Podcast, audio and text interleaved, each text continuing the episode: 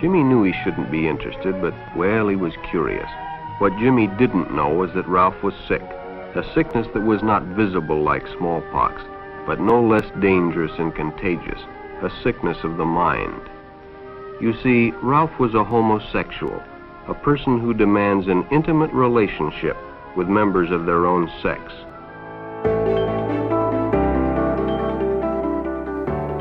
Dette var budskapet fra et amerikansk politidistrikt på 60-tallet.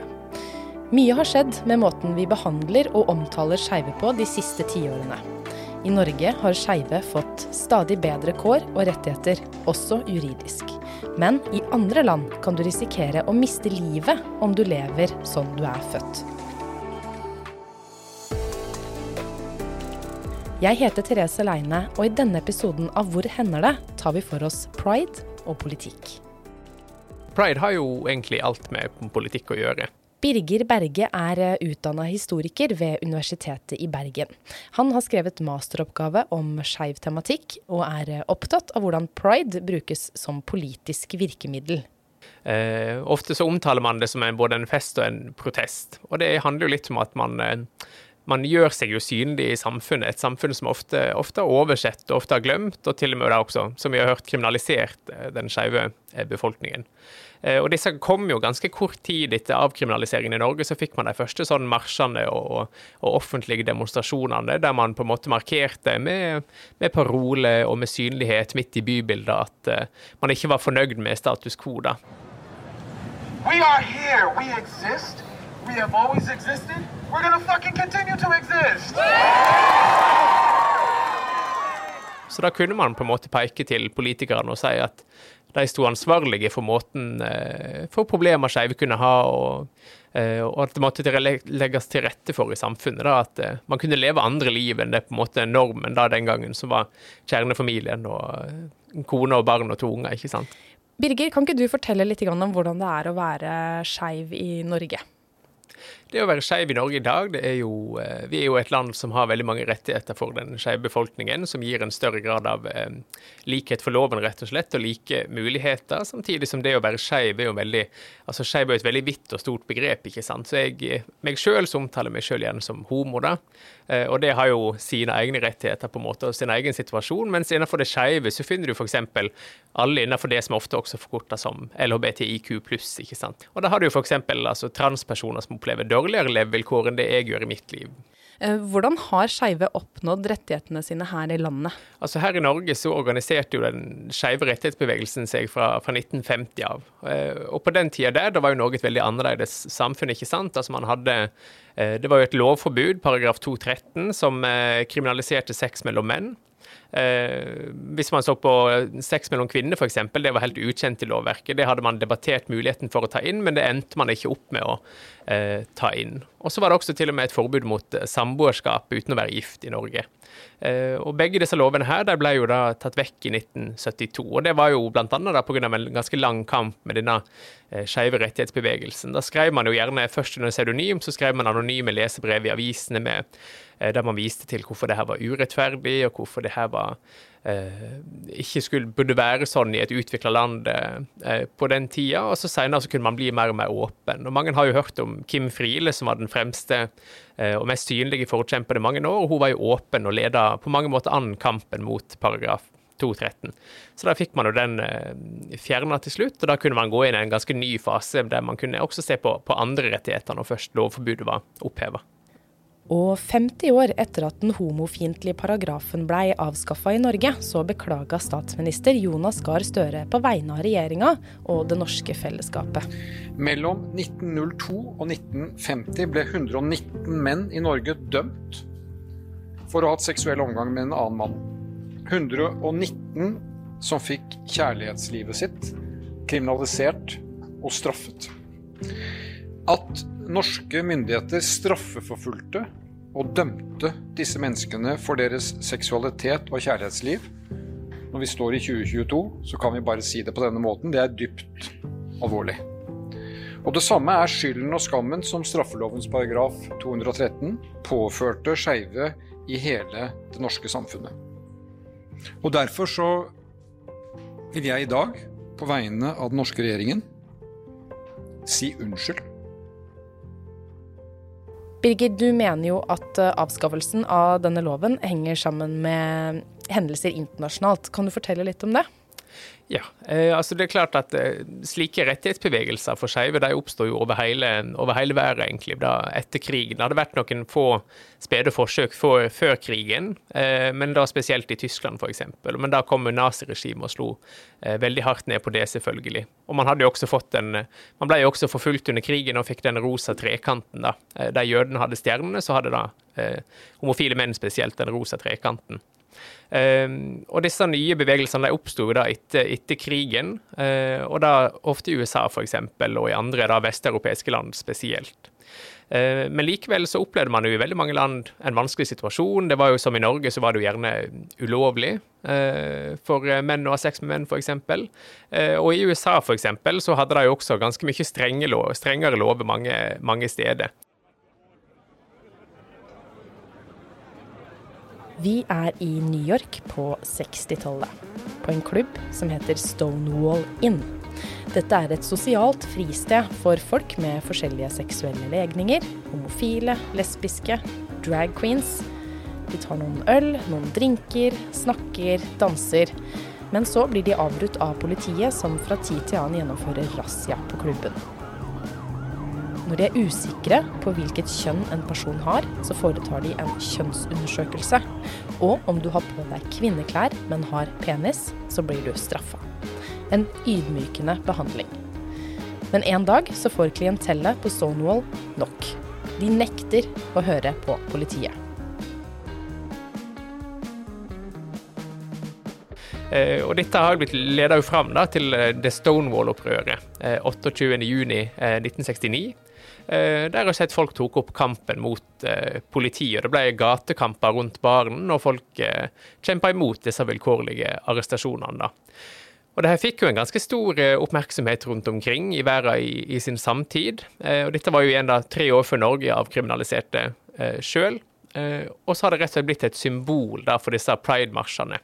Eh, Senere ved at man året etterpå så arrangerte man en minnemarsj for å minnes Stonewall-opprøret. Og dette var startskuddet for pride-bevegelsen, sånn som vi kjenner det i dag.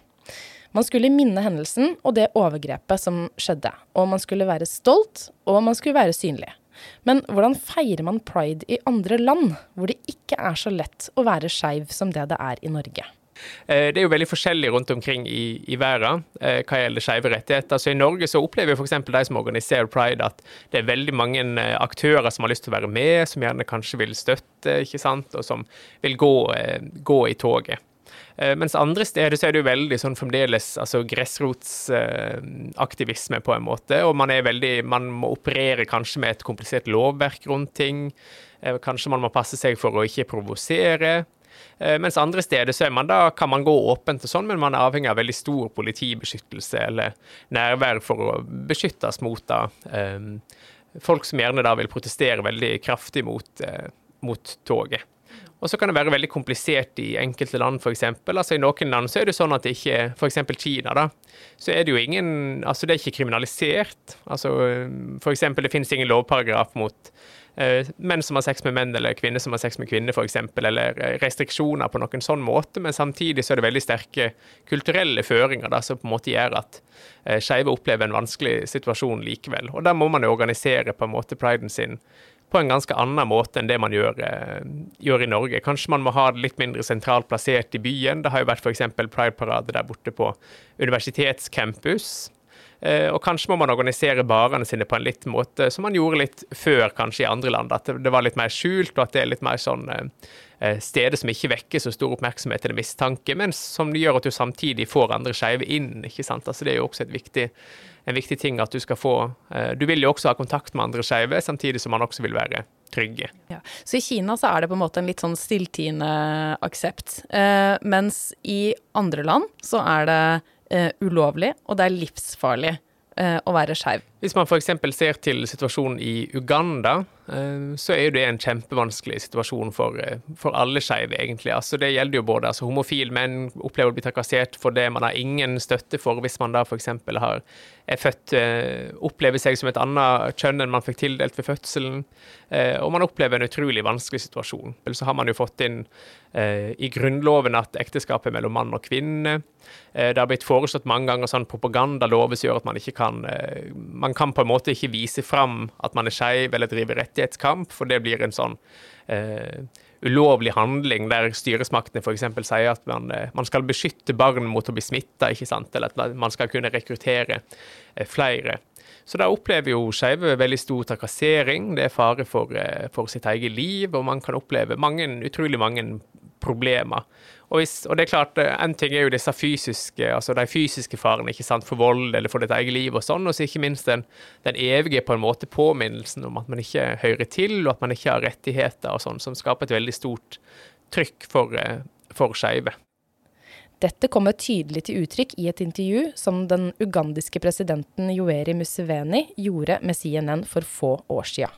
Do you personally dislike homosexuals? Of course, they are disgusting. What, what, what sort of people are they? How can you go? Uh, I, I, don't. Uh, I never knew what they were doing. That's how I've been told recently that uh, what they do is terrible, disgusting. Hvorfor er det så store forskjeller, tror du, fra, land til land?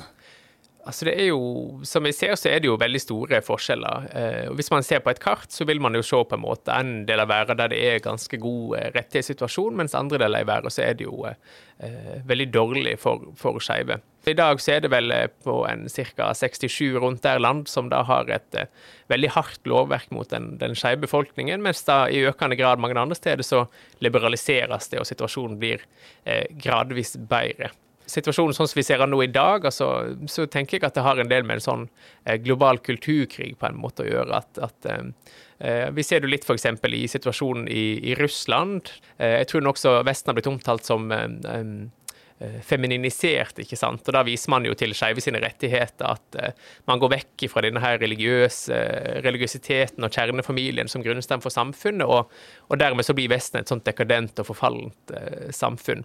Så man kan se det litt som en kulturkrig i dag, der på en måte Vesten blir satt opp som på en måte det er sånn skeiv sånn uh, Paradis vil kanskje vi si, mens de vil si at da ser du hvorfor det går så gale da, i, i Vesten. Vi vet jo at eh, demokratiet er under sterkt press i verden i dag. Tror du, Birger, at det gjelder skeives rettigheter også? Jeg tror at eh, presset mot demokratiet kan påvirke skeive sine rettigheter veldig, veldig sterkt. Eh, også, altså Vi ser det jo nå i USA f.eks., så ser man jo den, eh, at nå trues jo den høyesterettsavgjørelsen som tillatt, gjør at abort er tillatt eh, i USA. Det neste kan jo bli ikke sant, altså ekteskapslikhet f.eks. Eh, og man ser jo også at eh, transpersoner der har et veldig mye verre situasjon. Mange steder i USA blir utsatt for mye større diskriminering, og at det også blir eh, innført en del sånn, eller eh, man ser veldig mye stygge holdninger i aviser f.eks., og på politisk nivå.